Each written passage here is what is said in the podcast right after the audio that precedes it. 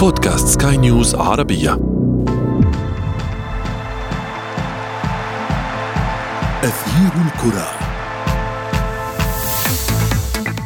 في كل موسم يخشى اللاعبون أن تصبح أرقامهم القياسية في مهب الريح بفضل تألق موهبة أخرى ونجاحها في اختراق سجلات التاريخ.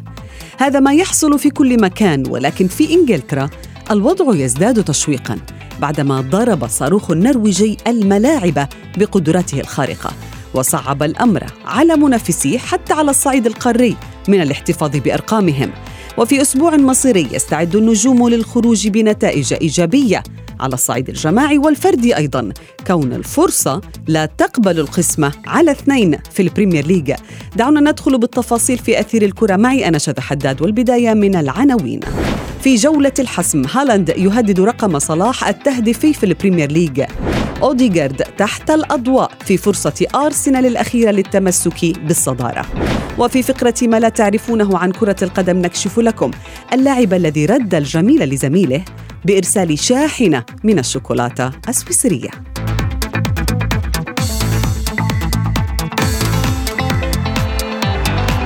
أثير الكرة.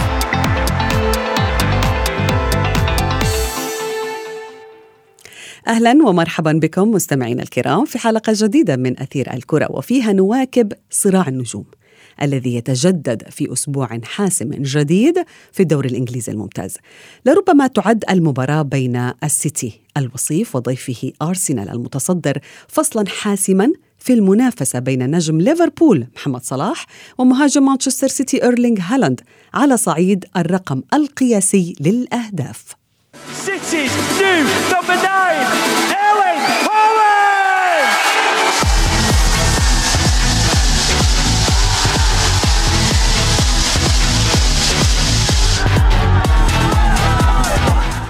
رحبوا معي بضيف الصحفي الرياضي معتصم يونس. أهلا بك معتصم. في البداية السؤال الذي آه، يطرح نفسه قبل انطلاق هذه الجولة الحاسمة.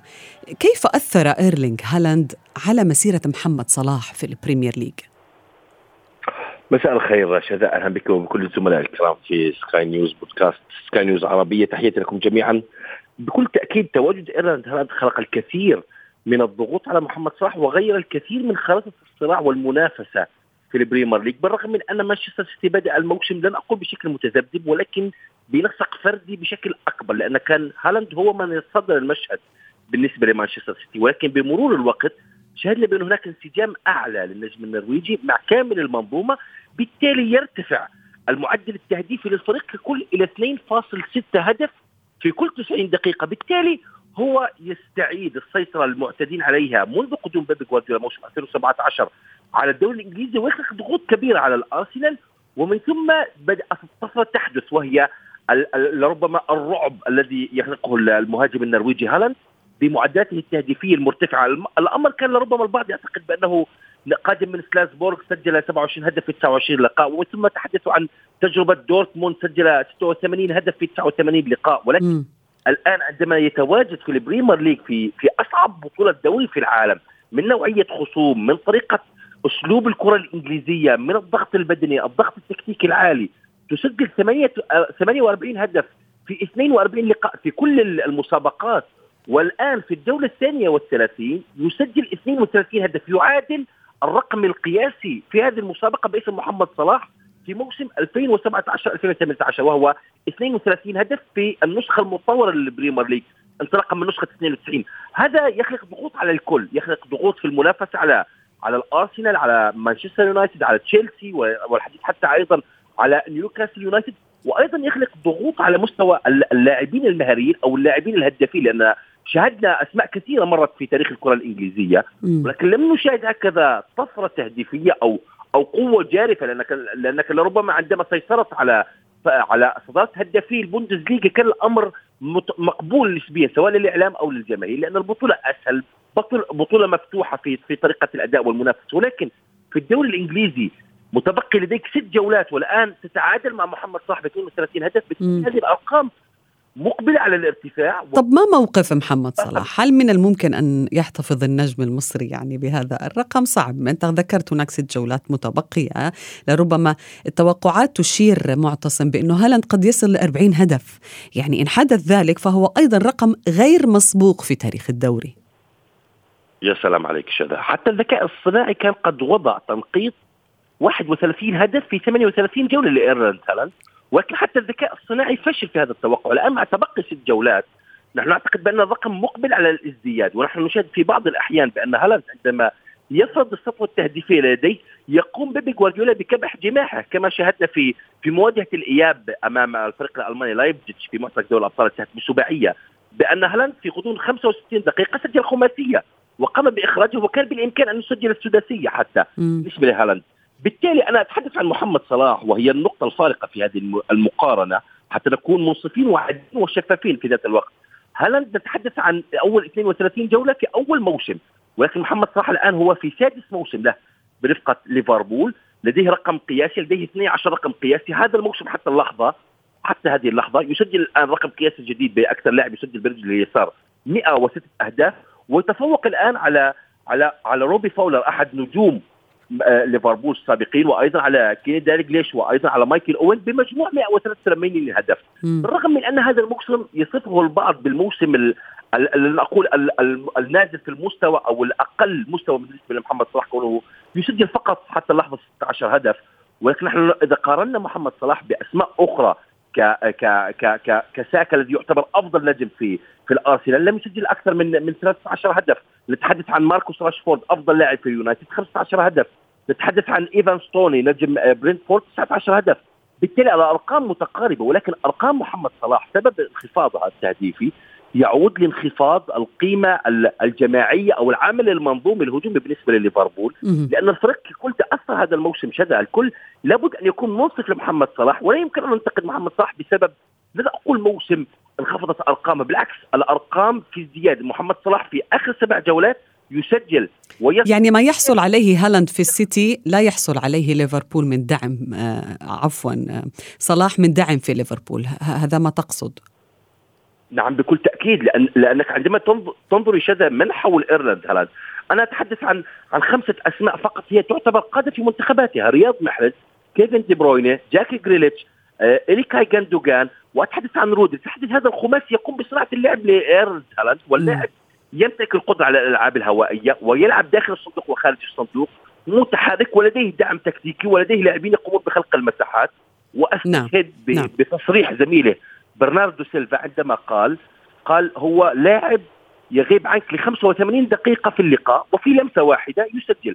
هنا قيمة النرويجي. محمد صلاح غاب عنه ساديو ماني بخروج مطلع الموسم نحو البايرن وأيضا توالت ثمانية إصابات في خط المقدمة على محمد صلاح وهو الوحيد الثابت نعم. نتحدث عن جوتا نتحدث عن دياز نتحدث عن نونيز عن جاكبو عن فيرمينيو. كل الأسماء هذه غابت تداولت عليها الإصابات. بالتالي محمد صلاح كان يقاتل لوحده حتى اللحظة برفقة ليفربول ويورجن كلوب يعلم جيدا بأن الإعلام خلق ضغوط كبيرة على محمد صلاح. وهذا ما يجري في في الآونة الأخيرة. صحيح كلامك معتصم سنواصل هذا الكلام ولكن بعد هذا الفاصل. تغيير الكرة.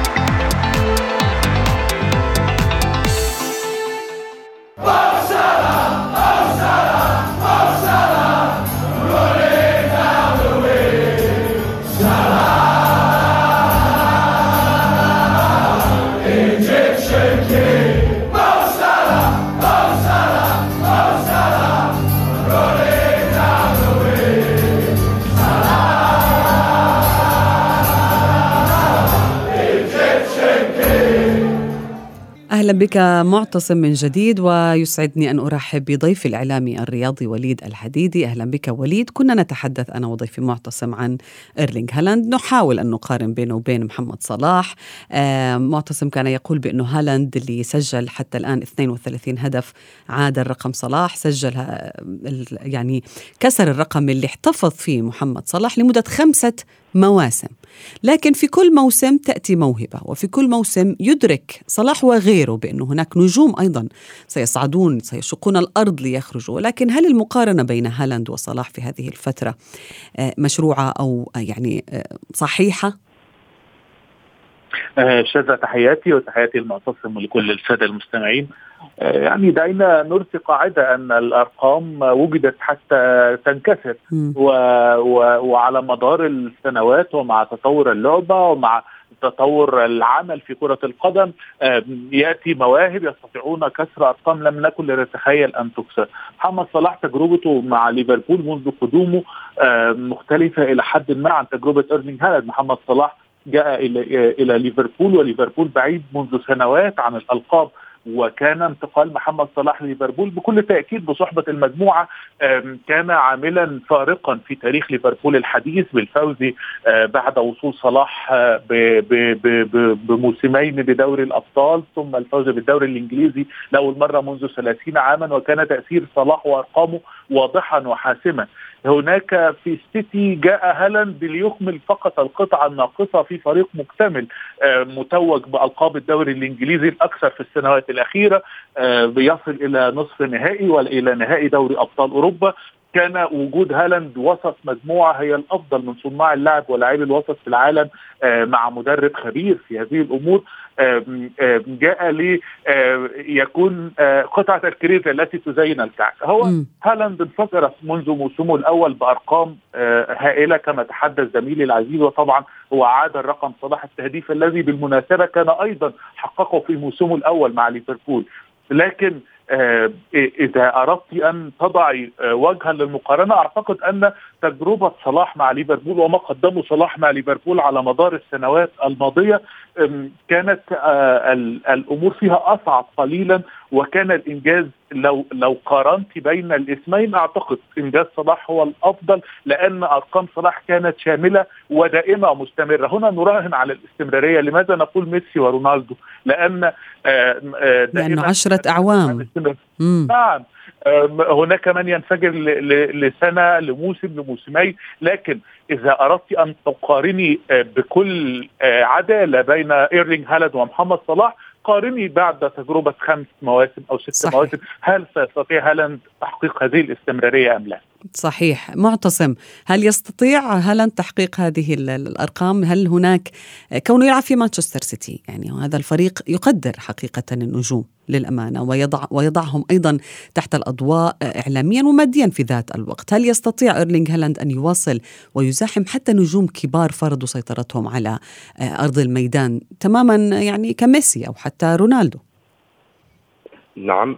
ولربما بفارق سريع عن البقية حتى لأن الأرقام التي يقدمها هالاند حتى اللحظة تشير بأنه يتقدم بفارق سريع عن باقي الزملاء لأن عندما سجل محمد صلاح 32 هدف كانت هذا الشيء خارج عن المألوف في إطار البريمير ليج لأن البطولة صعبة. كان المعدل صدارة الهدافين يتجاوز 25 26 27 هدف ولكن عندما جاء محمد صلاح وسجل 32 هدف كان الجميع يتحدث ما السر ما الفارق بالرغم من أن محمد صلاح جاء في فترة أو حقبة ذهبية لليفربول بقيادة يورجن كلوب وأسماء كانت في في أوج عطائها لينجح بتسجيل 32 هدف. لأنك تعلمين جيدا بأن كرة القدم هي لعبة منظومة وليست لعبة لاعب فردي بحد ذاته وخاصة بأن محمد صلاح هو لا يعتبر رأس حربة صريح هو يعتبر جناح ولكن الاستمرارية طريقة الدعم طريقة الانخراط بسرعة والمشوار المهني أو المسار المهني لمحمد صلاح عندما جاء إلى ليفربول كان كثير تجارب ومحطات في روما في فيورنتينا في في في تشيلسي من قبلها أيضا في بازل سويس. بالتالي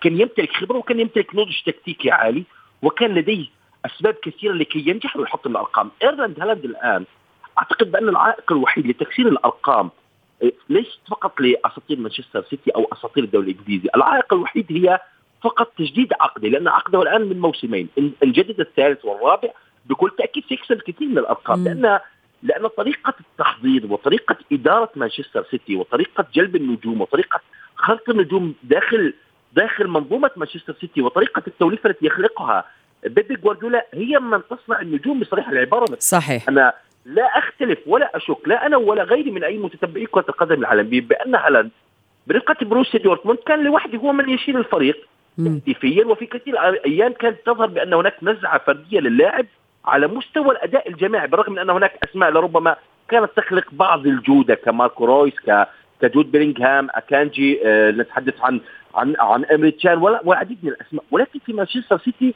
أنت الآن جئت في إطار منظومة غيرت أسلوبها السابق الأسلوب التكتيكي لأنك في بعض وتنافس وتنافس على أكثر من لقب. نعم. ولكن وليد يعني آه، اعود إلى نقطتك وأنا أتفق معك بأنه صلاح رقمه تاريخي حتى ولو كسر. ما آه، قدمه صلاح سيبقى في سجلات التاريخ حتى ولو تقدم عليه لاعب آخر. ولكن بالنسبة للموسم الحالي سيلعب ليفربول أمام ويست هام أرسنال سيلعب أمام مانشستر سيتي. يمكن هاي الجولة قمة السيتي وأرسنال هي التي تعطي الأهمية آه، وخصوصا بحجم أو قيمة إيرلينغ هالاند في مثل هذه المباريات. ما رأيك؟ ما الذي سيجري تحديدا في هذه الجولة؟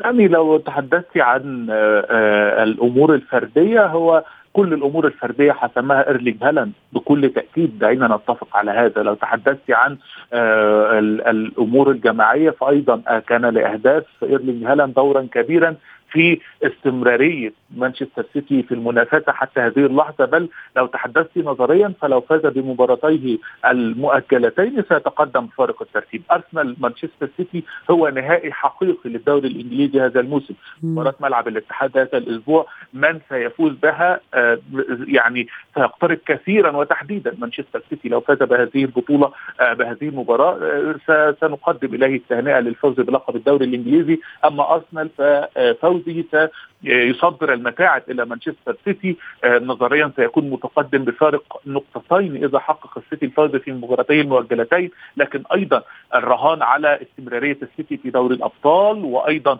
آه، المجهود البدني الذي سيبذله الفريق عندهم مباراتين أمام ريال مدريد ولا أقوى من هذا.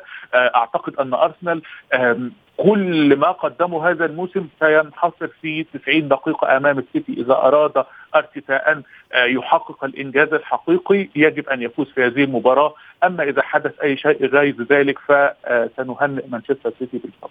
يعني معتصم بالنسبة لقمة أرسنال والسيتي فيها الكثير من الأمور اللي قد تحدث. الصدارة رقم التهديف في موسم واحد نجوم أرسنال هم أيضا على موعد مع التاريخ. لا ننسى هناك القائد مارتن أوديغارد النرويجي أيضا قدم أعلى معدل تهديفي له في موسم واحد. ولكن أرسنال نحن لا نتحدث عن نجم واحد لا نتحدث عن لاعب واحد صنع كل شيء. نحن نتحدث عن فريق بأكمله ولكن هذا الفريق سيواجه هالاند بالنسبة للإعلام. تتفق معي؟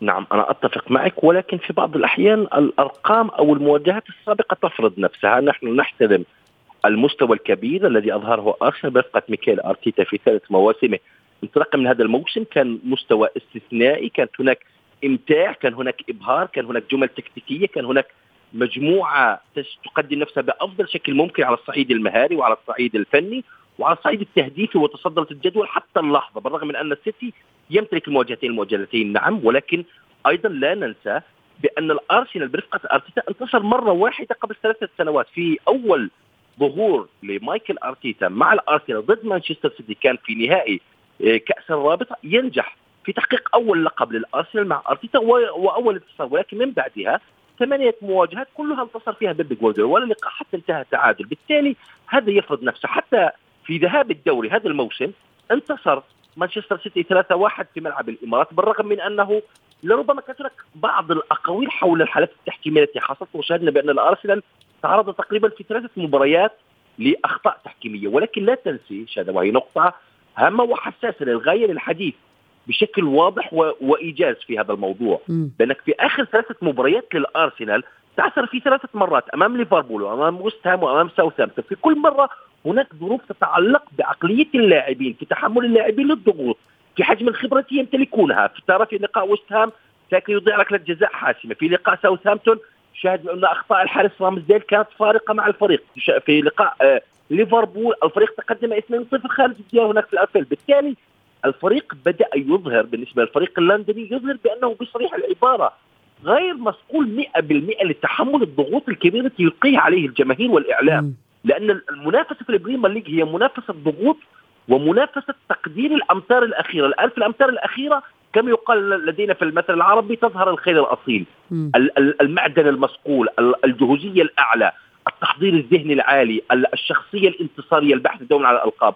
هذا الفارق يصب في مصلحة مانشستر سيتي صحيح. لأن بيب جوارديولا زرع في عقلية اللاعبين بأنه لا يوجد لاعب يمتلك مكان أساسي في التشكيلة. هناك أرقام وهناك تدوير مستمر لجميع المراكز في الفريق نعم. باستثناء اللاعب الذي قد يخلق الفارق حتى هالاند يجلس على الدكة حتى رياض محرز يجلس على الدكة حتى. كيفن دي برويني بالتالي يبقي الفريق على على مدار الموسم في حالة اشتعال. طب بالنسبة لأرسنال وليد يعني أرسنال ربما قلة خبرته في مقارعة السيتي على اللقب هي التي وضعته في مأزق أن ينتظر ال- ال- الانتصار في هذه المباراة. أمام ليفربول تعثر ويست هام تعادل أيضا آه، يعني حتى في مباراته أمام مانشستر سيتي. غدا يقول أرتيتا في المؤتمر الصحفي بأنه هذه المباراة لن تحسم ال Premier League. هل آه، يعني هل هو صائب أم أنها mind game يعني لعبة آه، كلام فقط؟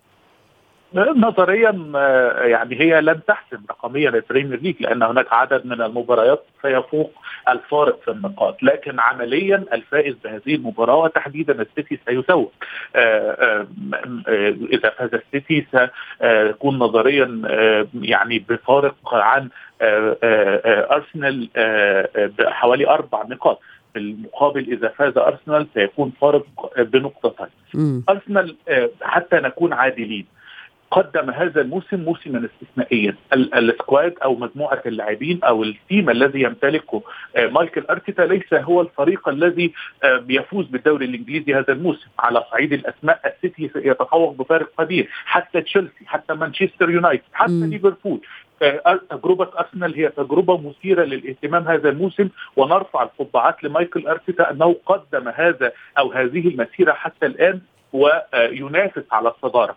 أعتقد أن فارق الخبرات كما تحدثت وصغر أعمار بعض اللاعبين أثر قليلا على أرسنال في المراحل المهمة من الموسم لكن هناك مباراة ستكون حاسمة وتجربة أرسنال هذا الموسم إذا حتى لم يتوج بلقب الدوري الإنجليزي مع استمراريتها ودعمها ببعض الأسماء ليست الكثيره بعض الأسماء القليلة في الميركاتو صحيح. ويشكر ويشكر أرسنال على كل ما. قدمه يعني. ولكن لا نعلم إلا ربما مباراة الغد تعطينا مفاجآت أخرى في ال Premier League كل الشكر لكم ضيفي وليد الحديدي ومعتصم يونس